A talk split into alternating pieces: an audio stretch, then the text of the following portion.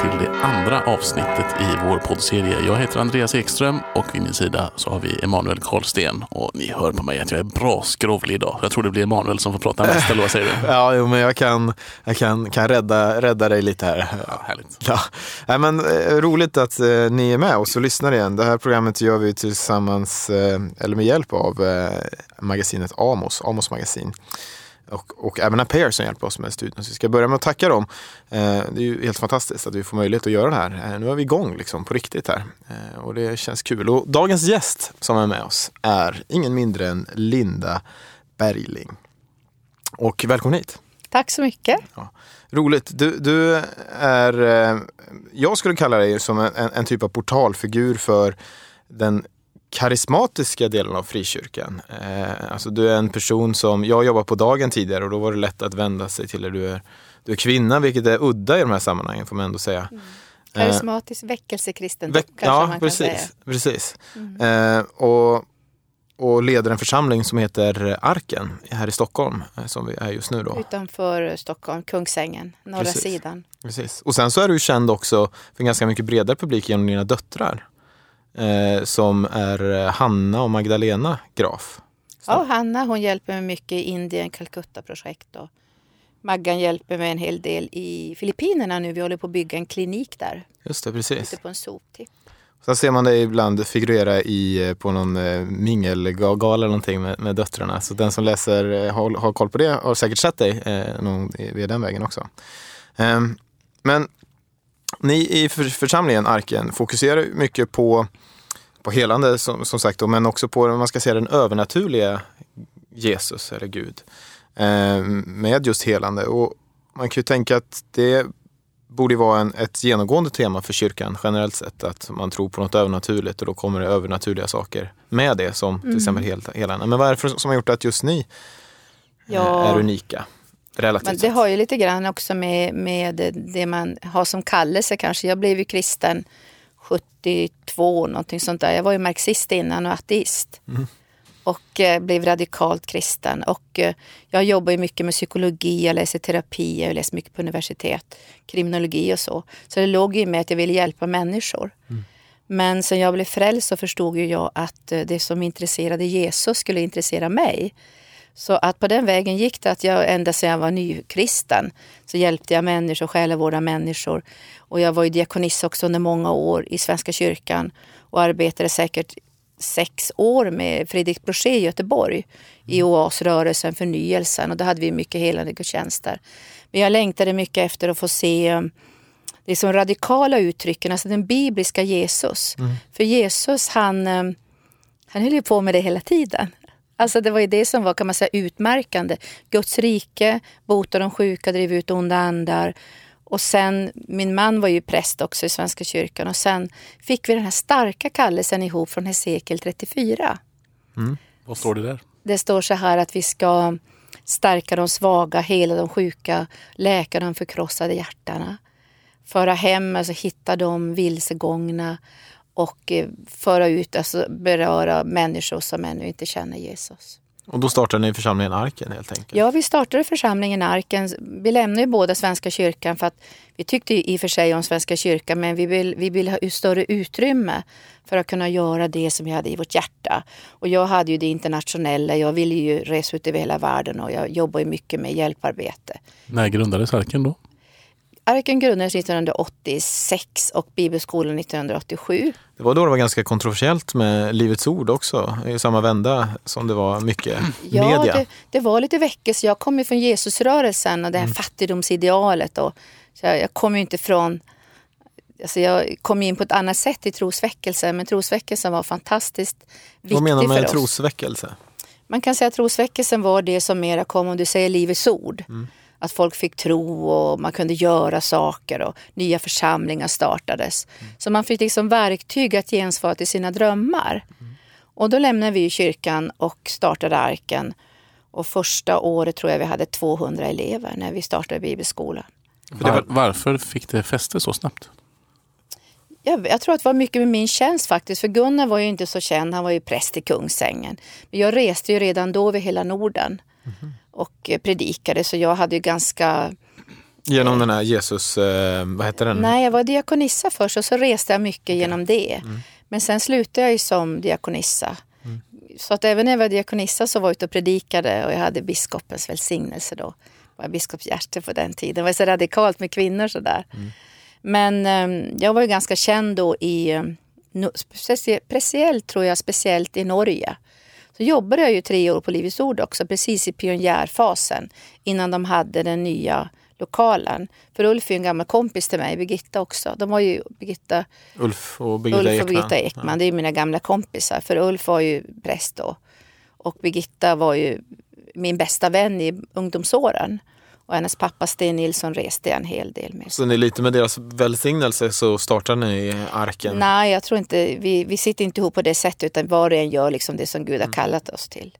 Så Arken liksom är en, jag tror en ganska unik plats. Vi fick en unik kallelse av Gud att bereda den här platsen för att Jesus skulle få uppenbara sig. Och sen startar vi helande center och det har vi har 30 helande rum på Arken. Berätta lite om det här med helande då. Va- va- Ja. För att, då som vi pratade om, vad är det som gör att just helanden har blivit centralt för, för dig och för er? Ja, det, det viktigaste var ju det här att, att det var det som Jesus um, höll på med. Och sen ligger det också i missionsbefallningen. Att vi ska bota de sjuka, kasta ut onda andar. Och um, då kände jag att jag ville både bereda en plats så människor skulle kunna bli helade. Och det var det helande center. Och sen blev det också det som heter upprättelselinjen eller hälsosteget för jag har ett vårdbolag också. Då man är ett år i, inför Jesu fötter. Och sen var det en tre, är det en treårig utbildning för helande och själavårdare. Och tillika, vi har alla möjliga program. Alltså vi har korta program, vi har långa program, vi har konferenser, vi har helande dagar. För när människor kommer till oss så har de ju olika behov. Så en del som kommer kanske stannar bara en halv dag i ett bönerum. Andra samlas tre dagar på våra helande dagar. Tema helande dagar. En dag, bibelskolan, upprättelselinjen ett helt år. Och nu har vi också HBV-hem. Så vi bereder plats för helande på en mängd olika sätt. Så man kan säga att helanden betyder olika saker. Eh, det är inte, när jag tänker helanden, eller jag tror att när den normala svensken, om det finns en sån, tänker helande så tänker man på att någonting växer ut, liksom ett ben som växer Nej, ut. man måste tänka helande för hela människan. Just det. Alltså det är både gudsrelationen, själens helande, kroppens helande, upprättelse, gåvoupptäckande. Men sen beror det på om man är sjuk, själsligt sjuk, fysiskt sjuk, så vill vi bereda plats så att man kan ta emot sitt helande. Men det är så här att vi tror på biblisk helande tjänst. Vad är det då? Alltså vi, vi tror på det som presenteras i evangelierna. Alltså det är ungefär fyra, fyra grundpelare kan man säga.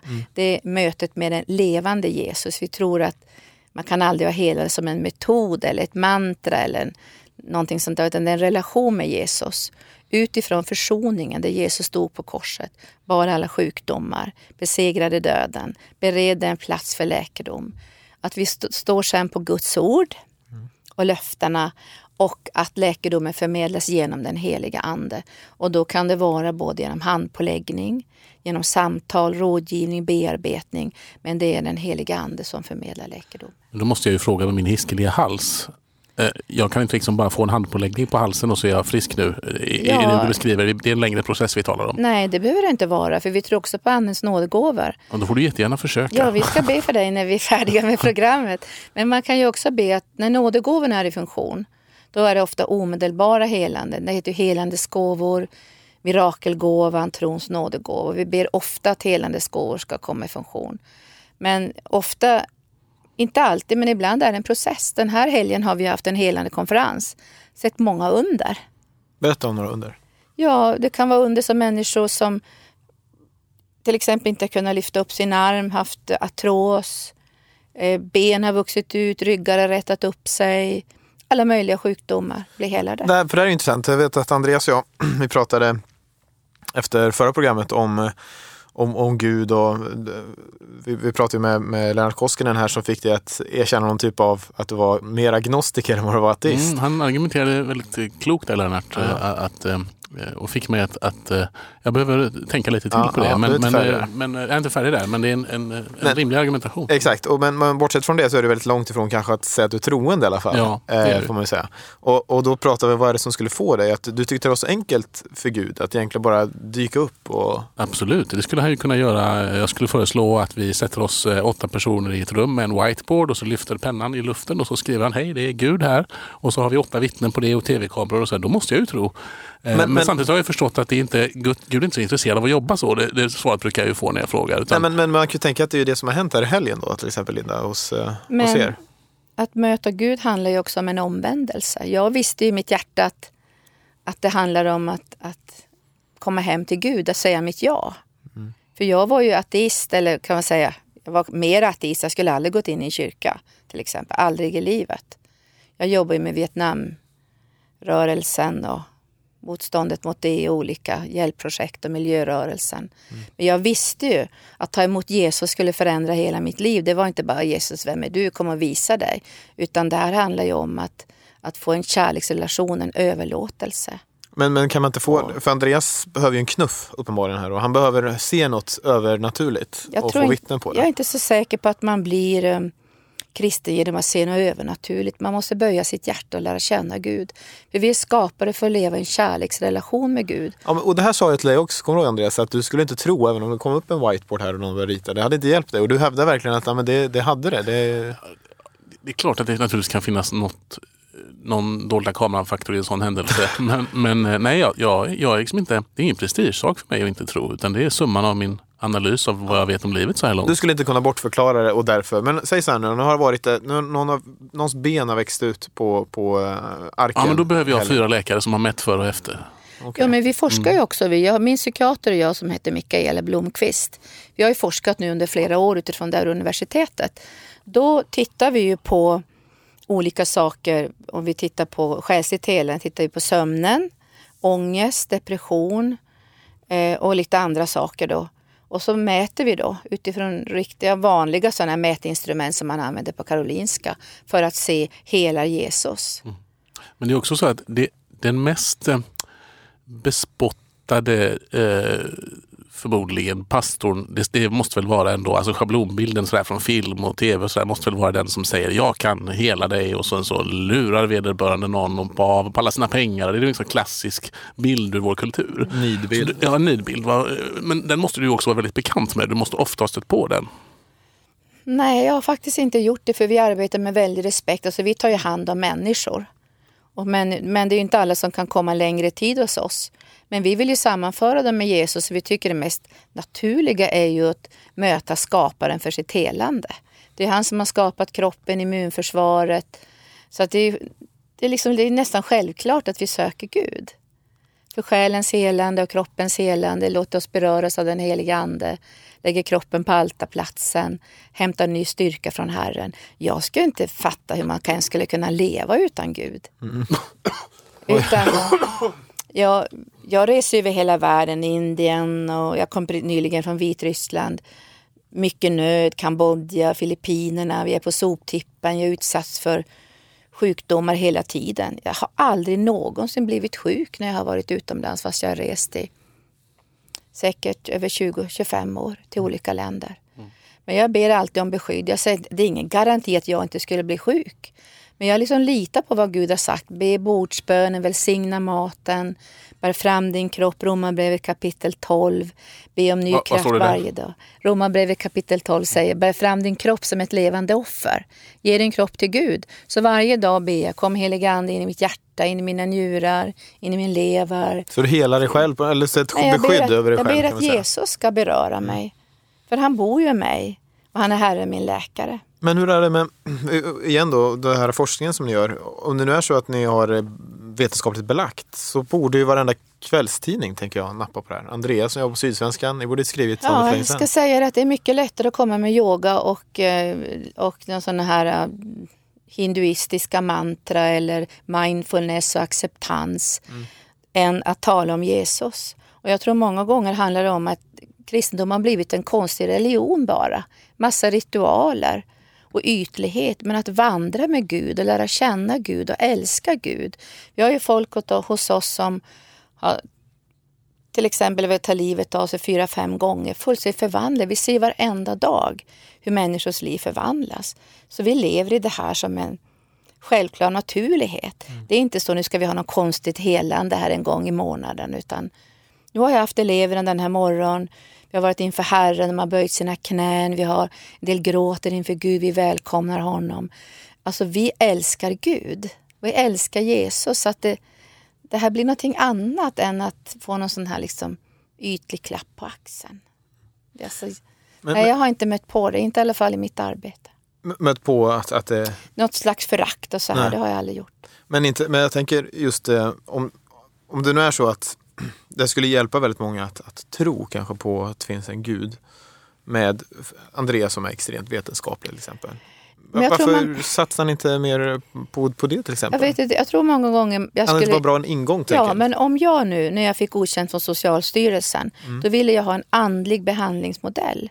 Och jag tror inte man kan göra evangeliet till en metod. berätta slags... hur det har blivit äh, godkänt. Du, du berättade lite här tidigare, men ja, berätta det igen. I och med att jag har jobbat i 20 år med helande så har jag arbetat fram en ettårsmodell i sju steg. Mm. Och det första steget, snabbt då, det är alltså en, en, en överlåtelse till kärleksrelationen med Gud, den kristna identiteten, helande för själen och sen kommer också rådgivning, bearbetning, tematisk undervisning. Allt för att bygga den kristna identiteten, relationen med Gud och börja ta emot helande på olika områden.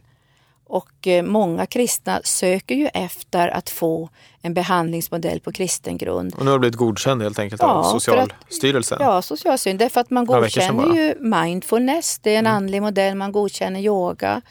Och mm. du kan till och med få recept på yoga och mindfulness och andra saker. Och nu kan man få recept till eh, församlingen Arken helt enkelt?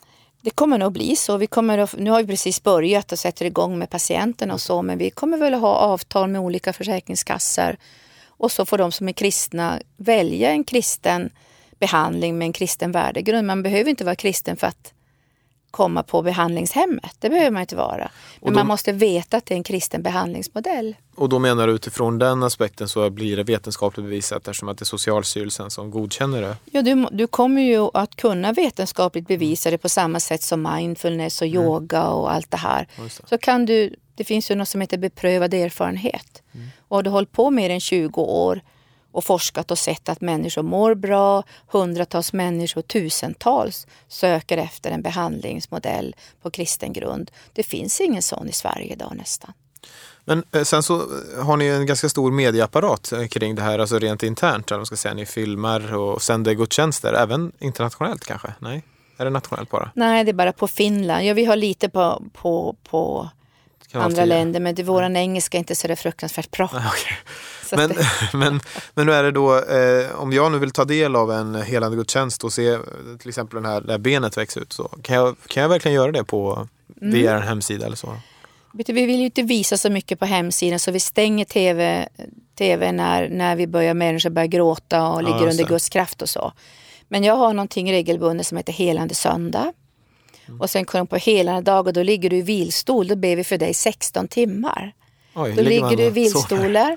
Sen har vi retriter då vi har väldigt mycket tystnad och stillhet. Mm. Men helande dagarna är väldigt fina för då är det tre dagar då man verkligen får avskilja Så då kommer folk med cancer, mm. svåra sjukdomar, psykiska sjukdomar. För de vill möta Gud. Men vi säger ju inte att vi kan hela dem, vi sammanför dem med Jesus. Och så ber vi med Guds ord, vi lägger händerna på dem, vi har samtal, rådgivning. Allt utifrån den här kärleksrelationen. Mm. Så jag vill inte säga idag att jag, jag, rekommenderar ingen att ta evangeliet och göra till en metod, för det, det tycker jag är emot Guds ord. Finns det sådana, kan du se sådana som gör det, alltså konceptualisera kan, helande till exempel? Nej, men jag kan tänka mig att det skulle vara lättare att få godkänt för det man gör om man gör det till en metod. Och det var det man sa i skolan också när Skolverket liksom sa att det var okej okay med yoga och mantra.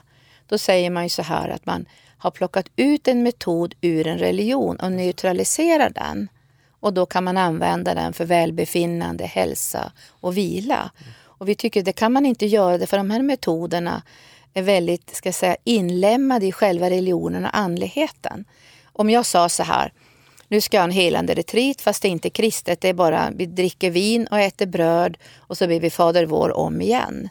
Ingen skulle gå på det. Mm. De skulle säga du står ju och ljuger. Mm.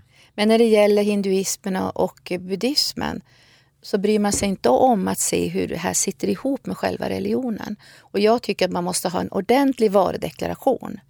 Så jag är väldigt tydlig och säger att det här är kristet, mm. kristen värdegrund, handlar om Jesus. Jag vill vara väldigt ärlig i det som jag presenterar. Men vilka får ett helande då? Kan man vara lika ärlig i det? Att det är inte säkert att du blir helad bara för att du kommer på en, som ni hade i helgen, helande konferens här. Och, eh, kan alla bli, kan Andreas här nu bli helad? Ja, jag har min tro att Jesus vill hela alla. Mm. Men jag vet ju också att alla inte blir helade. Och då måste vi, alla kan ju kanske inte bli helade. Vi säger att om du är svårt psykiskt sjuk och så ber för dig i fem minuter. Då kanske inte du kan ta emot ett helande på det sättet. Du behöver bearbeta kanske, ta emot förlåtelse, ge förlåtelse. Det är andra saker som måste beröras i ditt liv. Men jag tror att man alltid ska vända sig till Gud. För Jesus bad ju en gång, två gånger för en blind man. Först blev han ju inte helad, bara till hälften. Sen bad Jesus igen. Och jag, jag, vi ber ofta för människor många gånger, för vi tror att Jesus vill hela. En annan sak som Jesus pratade om var, efter han hade gjort olika typer av helanden, så var han noga med att man inte skulle berätta det vidare. Hur ser du på det?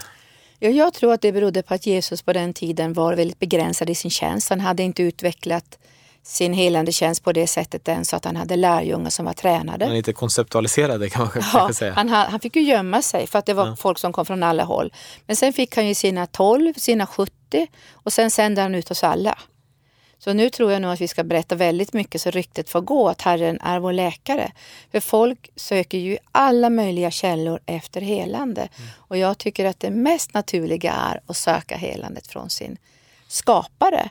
Men sen inte förneka varken sjukdom eller ta avstånd till medicin och så, utan vi tror också att det finns nedlagt i skapelsen naturliga vägar för hälsa. Men då ska man ta emot dem via Gud och ta emot i tacksägelse. Jag har en, en väldigt märklig upplevelse som jag eh, var med om när jag var på besökte Livets Ord för kanske var ett år sedan, två måste ha varit. När Benny Hinn heter han va? Eh, som är en helande predikant, ska man säga så, evangelist mm. som reser över hela världen. På liknande sätt som du, men han har ju ett, ett enorm, han har verkligen konceptualiserat med egna flygplan och, mm. och sådär. Och jag har varit fascinerad av honom under längre tid, just utifrån att han har verkligen där kan man prata om det här med nidbilden som du pratade om Andreas, med, med eh, Eh, pastorn som kommer in och liksom, man får pengar mot ett helande nästan. Eh, och han har ju väckt väldigt mycket kritik och kontrovers. Eh, och sådär. Men han var i alla fall inbjuden till Livets Ord och så var jag där för att eh, jag var såklart skeptisk när jag var där, tror jag, när jag kom dit. Men jag ville ändå se med egna ögon vad det handlade om och ge, ge någon typ av ärlig chans i alla fall. Och han var ju en sak, alltså, han, han agerade ungefär så som det var förväntat med, med mycket sugges, sugges, suggestiva, vad säger man? Eh, alltså, stämningar. Man, ja, stämningar, precis. Lägger på väldigt mycket långa stämningar och prataren hade ett jättelångt kollekttal. Det var längre än hela predikan tror jag. Eh, där de gav sig själv legitimitet på olika sätt. Men allt det där aside så var det mest intressant när jag råkade hamna i en del av lokalen där det var eh, väldigt många sjuka som hade ställts, som hade rullats in på, på eh, rullstolar och det var lite mm. rullstolsområde just där då. Eh, och det var så många olika varianter av människor. Det var en, en, en eh, kvinna som hade någon typ av neuro, neurologisk eh, sjukdom liksom, mm. som hade liksom, hennes pan, huvud satt fast med något band på hennes stol och så hennes man som satt bredvid eller make satt bredvid var, var frisk och så här, och de satt och de bad och det var under en, en väckelsetid, man ska säga, under mötet där Benny Hinn pratade mycket om helande. Du riktade sig ut till olika personer. Och så här. Och hur, det var så beklämmande att se hur den här mannen och kvinnan grät. Det var en annan som satt i rullstol som uppenbarligen hade en förlamning i benen. Och som bara, hon, hon grät ännu mer. Hon bara, det var, hela hennes hjärta låg på golvet ungefär. Mm. Eh, och ingen av dem kom fram, eller det var budskapet ikväll var inte riktat just till dem i alla fall. Eh, men den som tog värst var en man som också hade någon typ av, jag tror att det var någon typ av CP-skada som satt i rullstol och som på olika sätt försökte ta sig fram med sin rullstol längst fram och, komma fram till Ben Hinn och liksom nästan få ta i hans manteltofs. Sådär. Eh, och misslyckades gång på gång. Och, och sen så till sist så sa Ben Hinn att nu ska vi ta, ta fram alla som har eh, ett arabiskt ursprung och be för er särskilt. Och då, var han var, hade arabiskt ursprung, och då ropade han på sina släktingar och släktingarna som hade sett honom försöka flera gånger rusade fram till honom, bar upp honom och bar honom längst fram till Ben Hinn. Det var ett stort berg fram, fram, längst fram av folk. Bad han, liksom. bad han för honom då? Då exakt sträckte han fram, lyckades han hamna överst. Släktingarna tryckte upp honom så han hamnade överst på den här tronen av, av berg nästan. Och både Benny Hinn och Ulf Ekman la handen på honom och bad. Och han kom ner igen och det hade inte hänt någonting och sådär. Men och han var såklart förkrossad på många sätt. Eh, och du- se alla de här människorna Ja.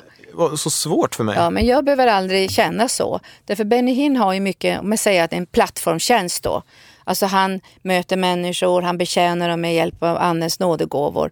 Men om jag skulle vara i en sån situation, till exempel, jag var i Filippinerna nyligen, då hade jag tusen människor i mötet. Men vi, vi bereder ju alltid andra platser. Alltså det är inte bara det där att det finns ett möte. Utan jag skulle kunna säga kom på helande dagarna, kom till ett bönerum, kom på ett års eh, så säga, behandlingen, ta emot genom den heliga ande. Men Benny Hinn, han ser ju människorna och så går han. Men så är det ju inte för mig. Människorna är kvar.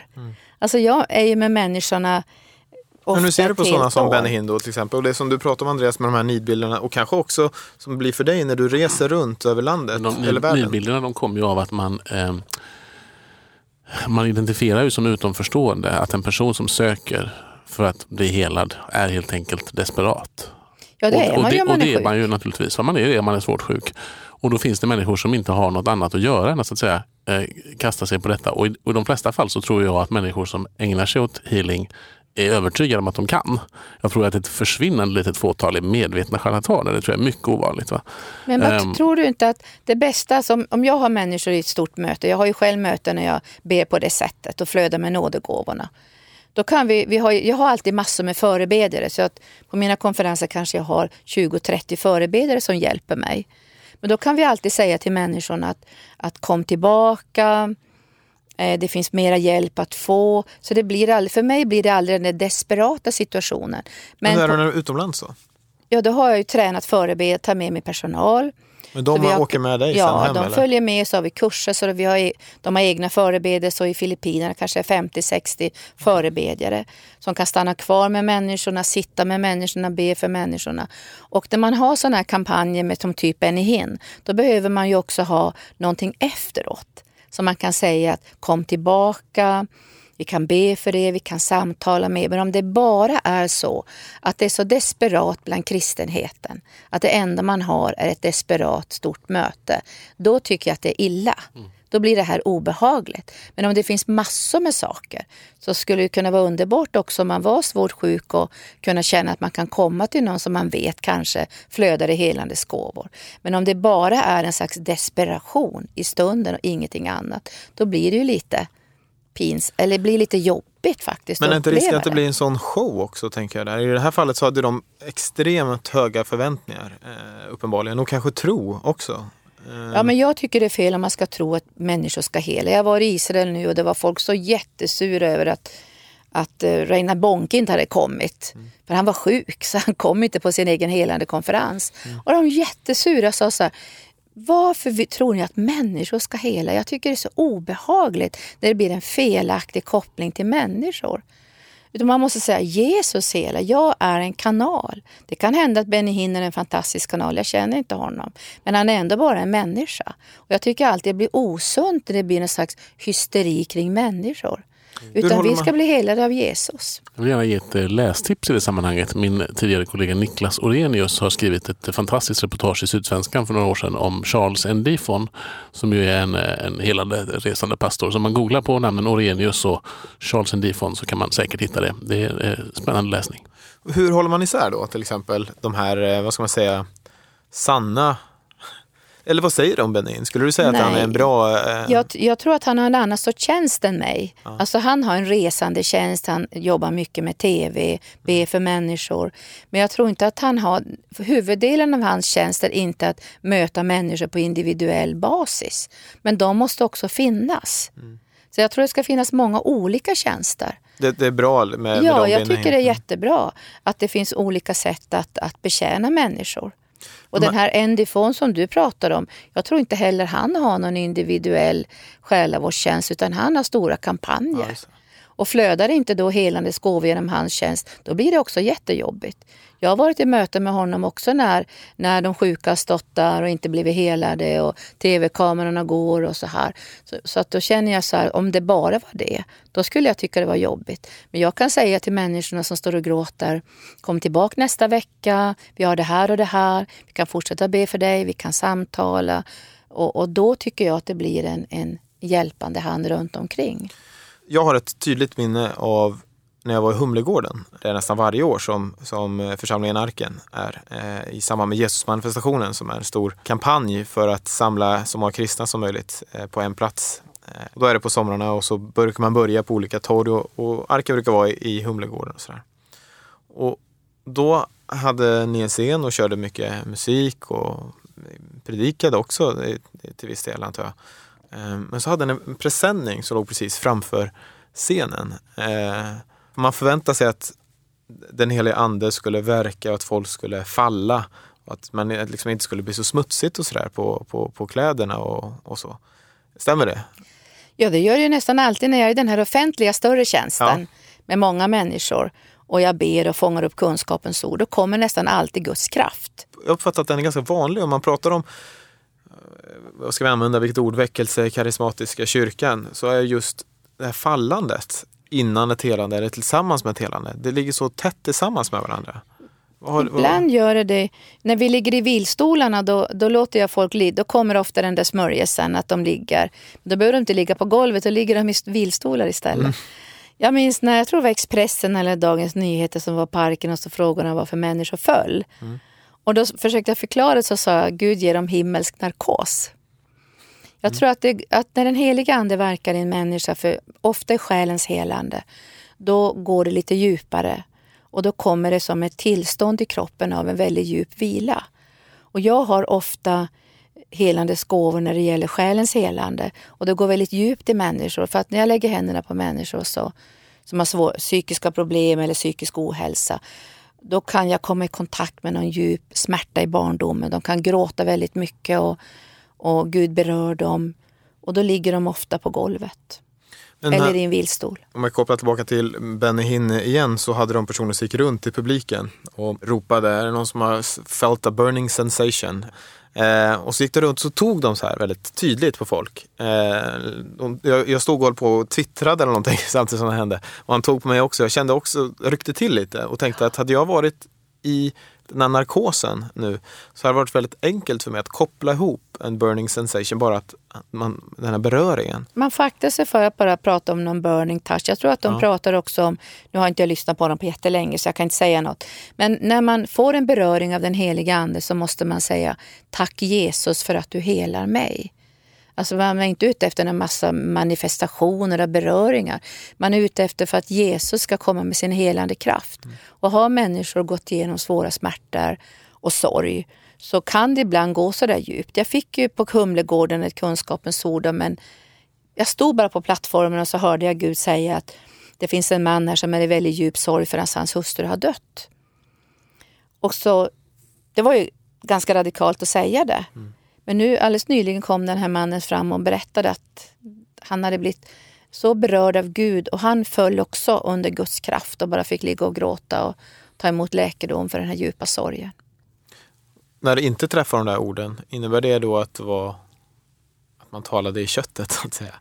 Eller Nej, att, utan kunskapens ord är att Gud på något sätt, inte kanske hundra kunskapens ord, men han kanske fem, tio, femton, precis som Ben Hinn som du hörde på Livets ord då. Ja. Som Gud säger att du är här som har den där sjukdomen, du är här som har ont här, du är här som har Exakt. gått igenom där. Och det är mer för att Gud vill säga att jag har sett dig, jag vet hur du har det. Fast det finns ju många fler människor än de där tio som får kunskapens ord.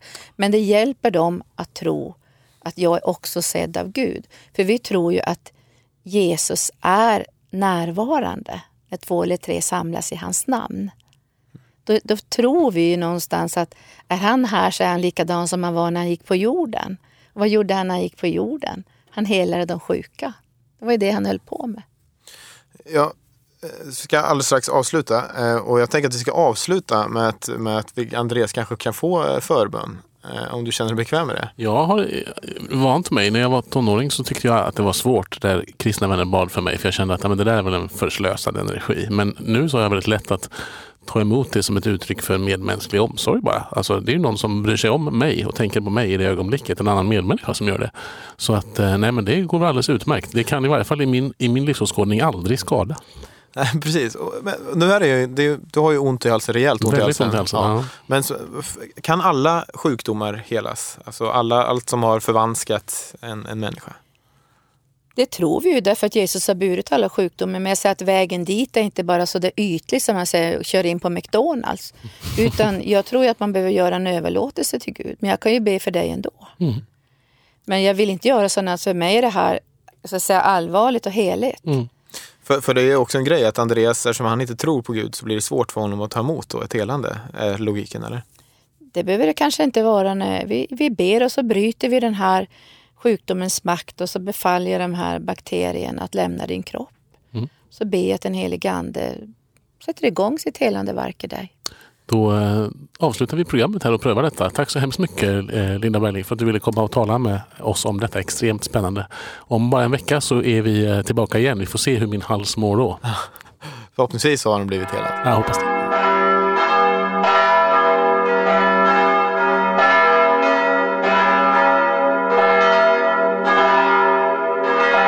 Du lyssnade precis på en podcast som sponsrades av Amos Magasin.